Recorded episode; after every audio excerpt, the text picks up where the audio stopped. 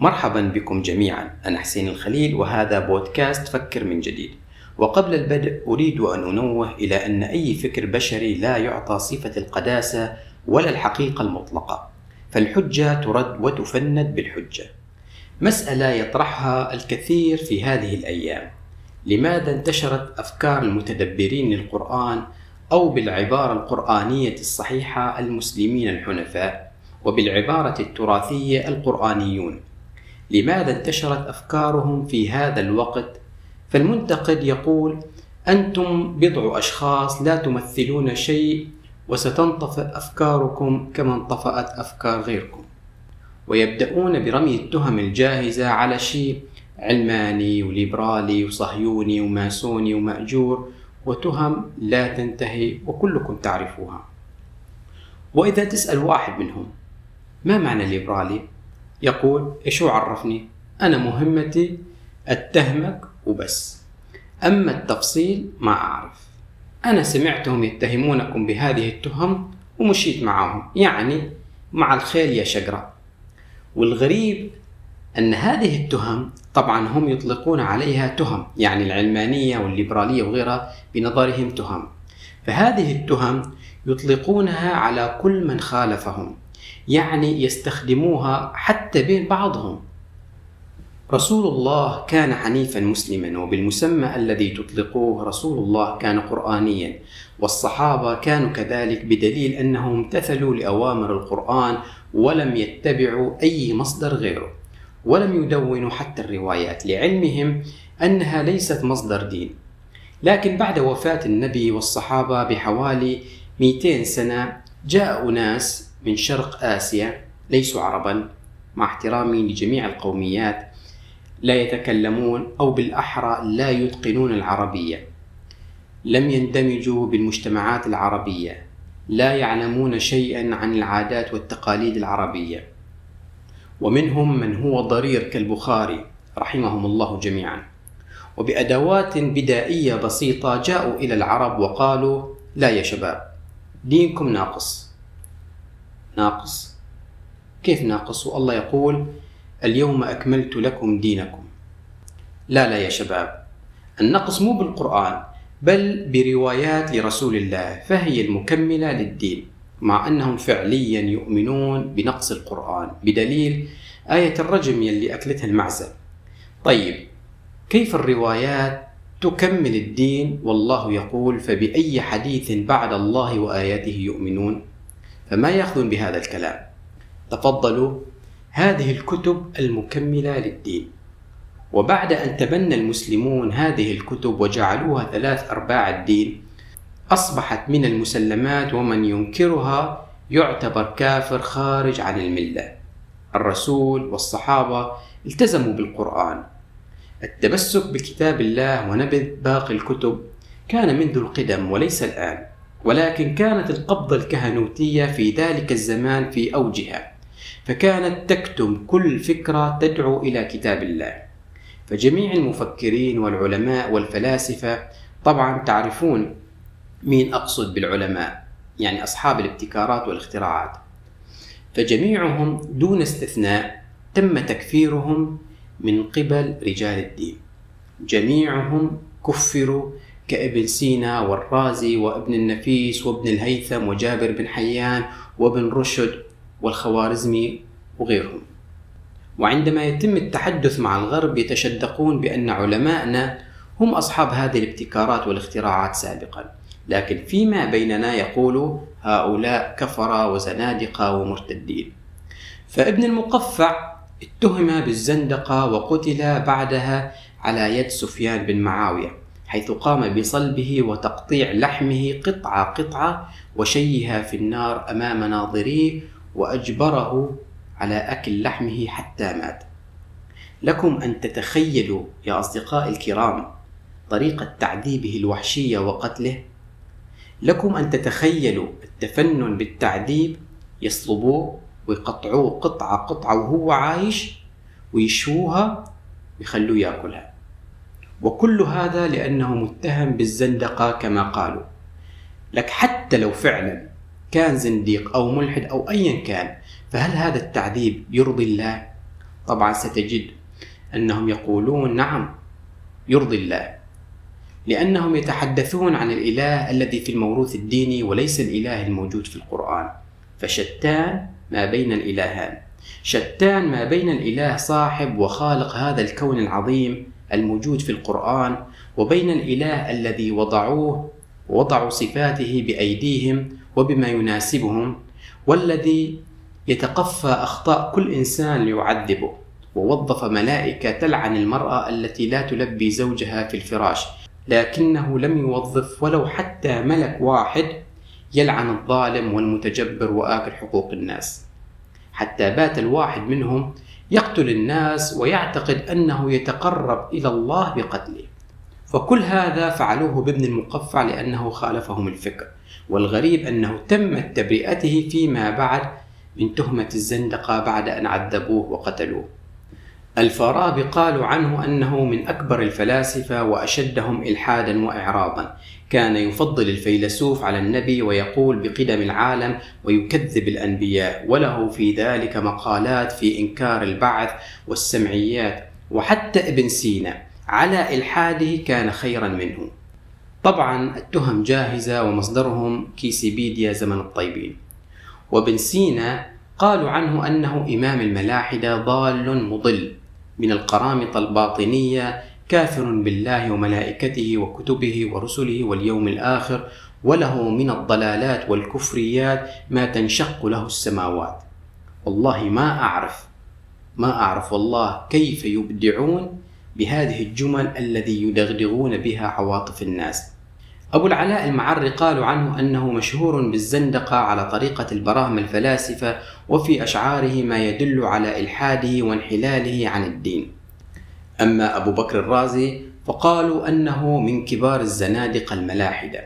يقول بالقدماء الخمسة الموافق لمذهب الحرائيين الصابئة وهي الرب والنفس والمادة والدهر والفضاء وهو يفوق كفر الفلاسفة القائلين بقدم الأفلاك.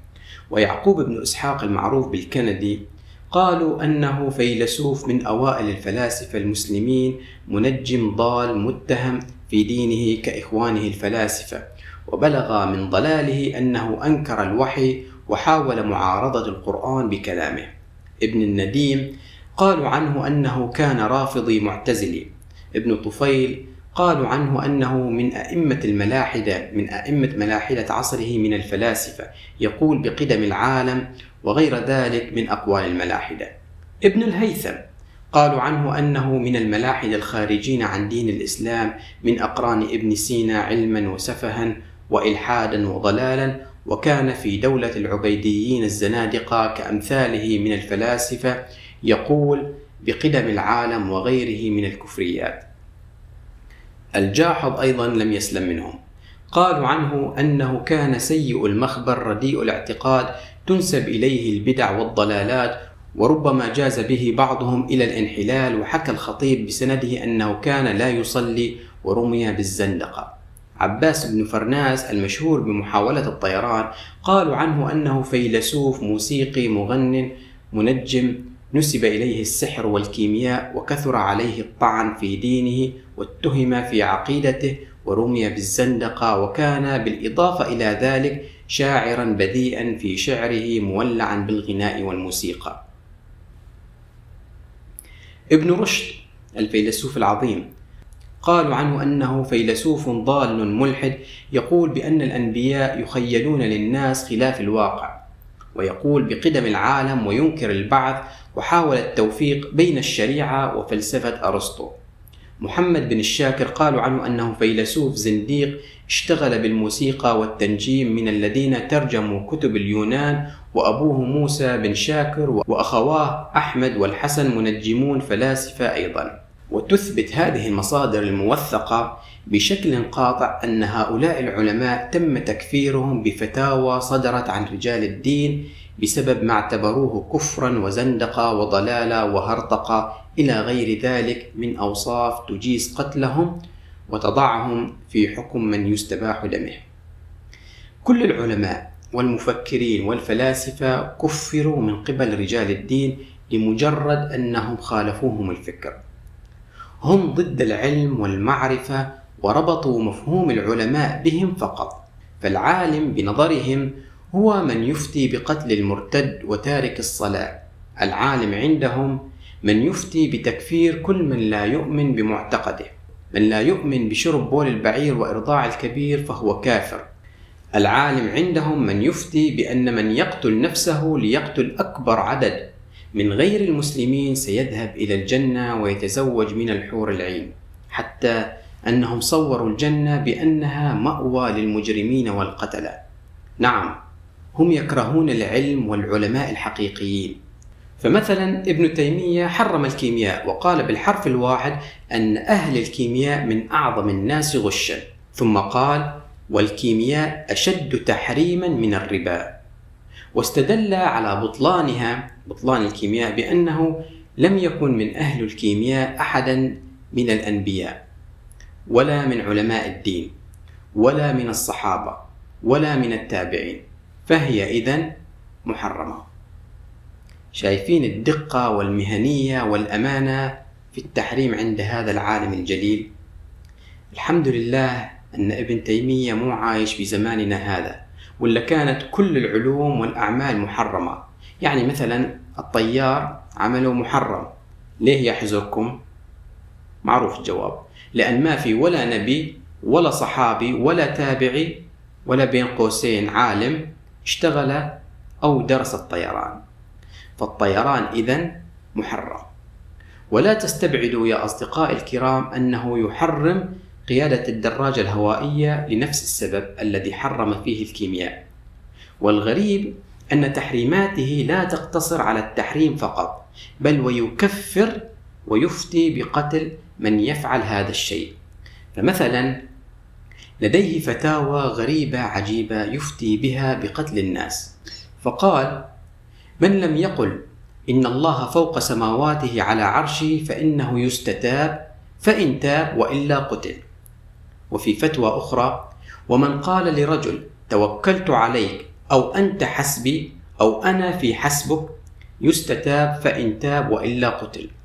وفي فتوى أخرى أيضا من اعتقد أن أحدا من أولياء الله يكون مع محمد. كما كان الخضر مع موسى فإنه يستتاب فإن تاب وإلا ضربت عنقه. وأيضا في فتوى أخرى الرجل البالغ إذا امتنع من صلاة واحدة من الصلوات الخمس أو ترك بعض فرائضها المتفق عليها فإنه يستتاب فإن تاب وإلا قتل. وأيضا في فتوى أخرى من قال أن القرآن محدث فهو عندي جهمي يستتاب. فإن تاب وإلا قتل أو ضربت عنقه للأمانة. وقال ضربت عنقه. وفي فتوى أخرى من قال أن أحدا من الصحابة أو التابعين أو تابعي التابعين قاتل مع الكفار فهذا ضال غاو بل كافر يجب أن يستتاب من ذلك فإن تاب وإلا قتل. وفي فتوى أخرى أيضا من اعتقد صحة مجموع هذه الأحاديث فإنه كافر يجب أن يستتاب. فإن تاب وإلا قتل. وفي فتوى أخرى قال من جحد حل بعض المباحات الظاهرة المتواترة كالخبز واللحم والنكاح فهو كافر مرتد يستتاب فإن تاب وإلا قتل. وأيضا قال وإن أضمر ذلك يعني تحريم اللحم أو الخبز أو النكاح كان زنديقا منافقا لا يستتاب عند أكثر أهل العلم أو عند أكثر العلماء بل يقتل بلا استتابة إذا ظهر ذلك منه. وأيضا في فتوى أخرى من لم يلتزم هذا الشرع أو طعن فيه أو جوز لأحد الخروج عنه فإنه يستتاب فإن تاب وإلا قتل. وأيضا في فتوى أخرى من ادعى أن له طريقا إلى الله يوصله إلى رضوان الله وكرامته وثوابه غير الشريعة التي بعث الله بها رسوله فإنه أيضا كافر يستتاب فإن تاب وإلا ضربت عنقه. وأيضا في فتوى أخرى أكل الحيات والعقارب حرام بإجماع المسلمين. فمن أكلها مستحلا لذلك فإنه يستتاب. فإن تاب وإلا قتل. وأيضا هناك فتوى أخرى تقول من قال القرآن مخلوق فإنه يستتاب. فإن تاب وإلا قتل. وفي فتوى أخرى من قال إن الله لم يكلم موسى تكليما يستتاب فإن تاب وإلا قتل. وأيضا في فتوى أخرى قال من ظن أن التكبير من القرآن فإنه يستتاب فإن تاب وإلا قتل. وأيضا في فتوى أخرى من أخر الصلاة لصناعة أو صيد أو خدمة أستاذ أو غير ذلك حتى تغيب الشمس وجبت عقوبته بل يجب قتله عند جمهور العلماء بعد أن يستتاب. يعني بعد ما تتوب تقتل. يا سلام عليك يا ابن تيمية. حبيبي. وفي فتوى أخرى قال من قال أنه يجب على المسافر أن يصوم شهر رمضان فهذا ضلال مخالف لإجماع المسلمين. يستتاب قائله فإن تاب وإلا قتل. وأخيرا من جهر بنية الصلاة يستتاب أو يقتل. يعني أنت يا مسلم إذا وقفت تصلي وقلت نويت أن أصلي صلاة الظهر فإنك بنظر ابن تيمية على باطل ويجب عليك أن تتوب وإلا يقطع رأسك. لكن للأمانة لم يفتي بالقتل بشكل مباشر بل أعطى مهلة ثلاثة أيام على الأرجح من أجل الاستتابة. يعني مو فورا يقتل. يعني مثلا الذي يجهر بالنية.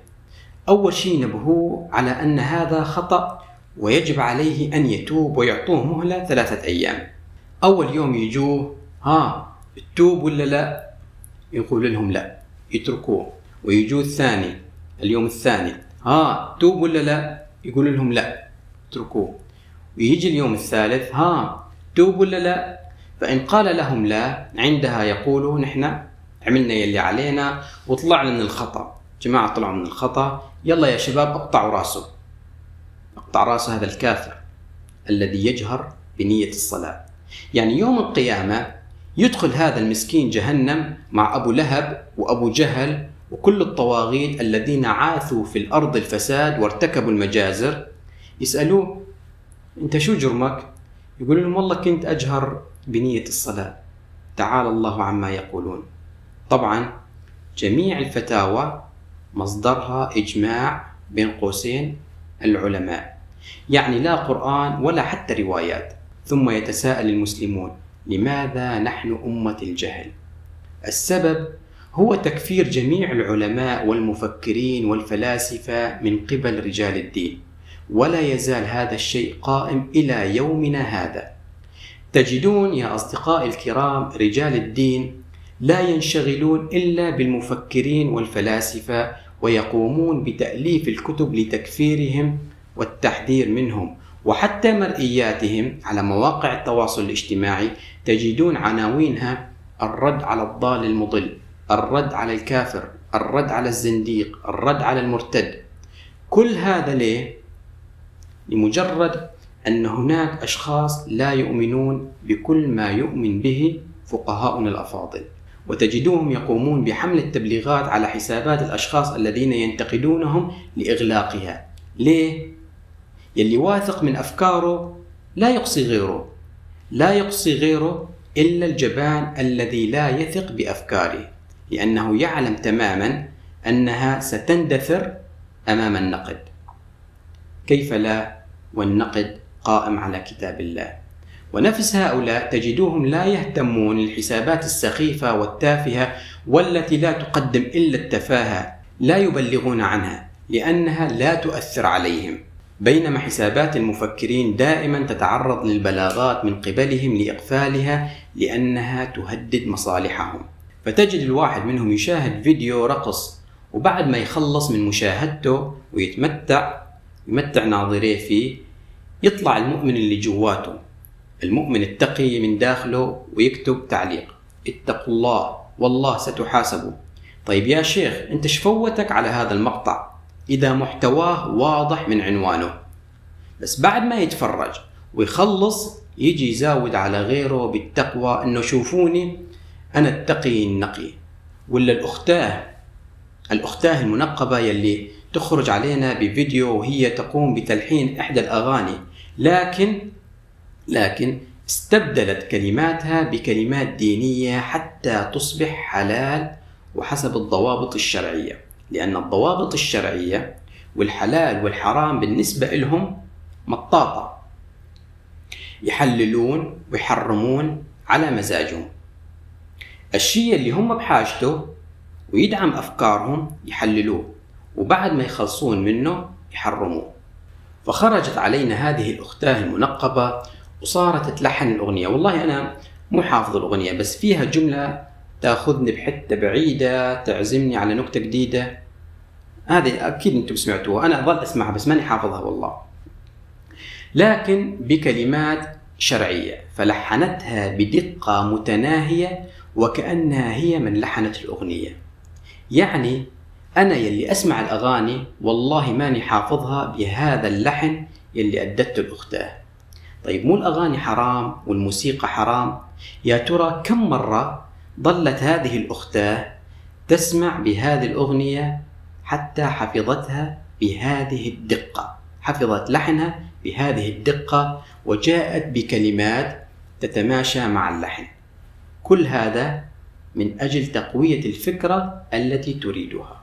وبالأخير وكما جرت عليه العادة يبدأون بدغدغة العواطف بقول صلوا على النبي. وتجد أغلب التعليقات تصلي عليه ولا أحد قال لها كيف حفظت هذا اللحن مع أن الموسيقى حرام؟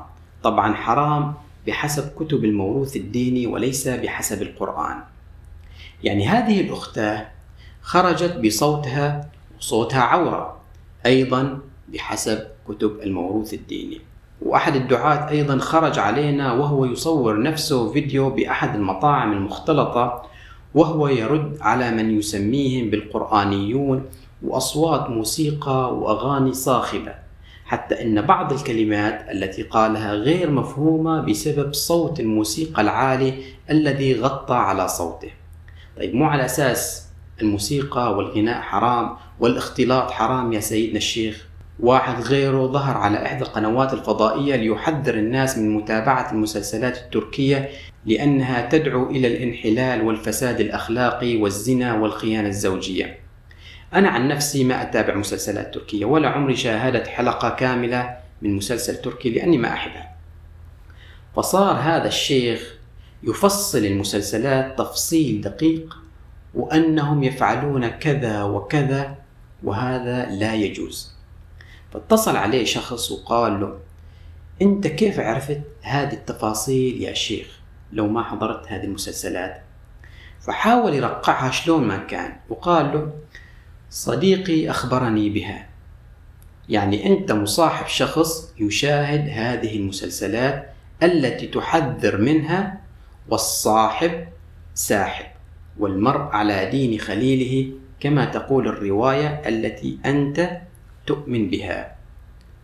ثقوا تماما أن كل من يدعي الفضيلة ويزاود على غيره ليظهر أمامهم بمظهر التقي النقي الصوام القوام اعلموا تماما بأنه أهل للرذيلة. فعندما يكون الكلام عن الفضيلة مبالغ فيه كما هو الحال في زماننا هذا فعلينا أن نعلم أن هذا ما هو إلا تغطية على الرذيلة. أحد رجال الدين السلفيين المعاصرين كفر كل من لا يؤمن بالتداوي ببول البعير. ولما صار موضوع كورونا كان أول الناس يلي أخذوا اللقاح. وضرب ببول البعير والسبع تمرات والحبة السوداء عرض الحائط. وأتساءل ليه ما حصن نفسه بسبع تمرات حتى لا يصيب أي داء كما تقول الرواية التي يؤمن بها. هؤلاء الناس يعلمون تماما أن بضاعتهم لا تمشي إلا على الناس البسطاء فقط. يحرمون الموسيقى والغناء ويستمعون لها. يحرمون المسلسلات ويشاهدونها. يحرمون الإنترنت ويستخدموه. يحرمون مواقع التواصل ويتسابقون على إنشاء حسابات عليها. يحرمون السفر إلى بلاد بين قوسين الكفار ويذهبون إليها للسياحة. يحرمون الذهاب إلى تلك البلدان وعندما يمرضون يذهبون إليها للعلاج. طالما شيء مستفيدين منه ومنتفعين منه يفعلوه ولكنهم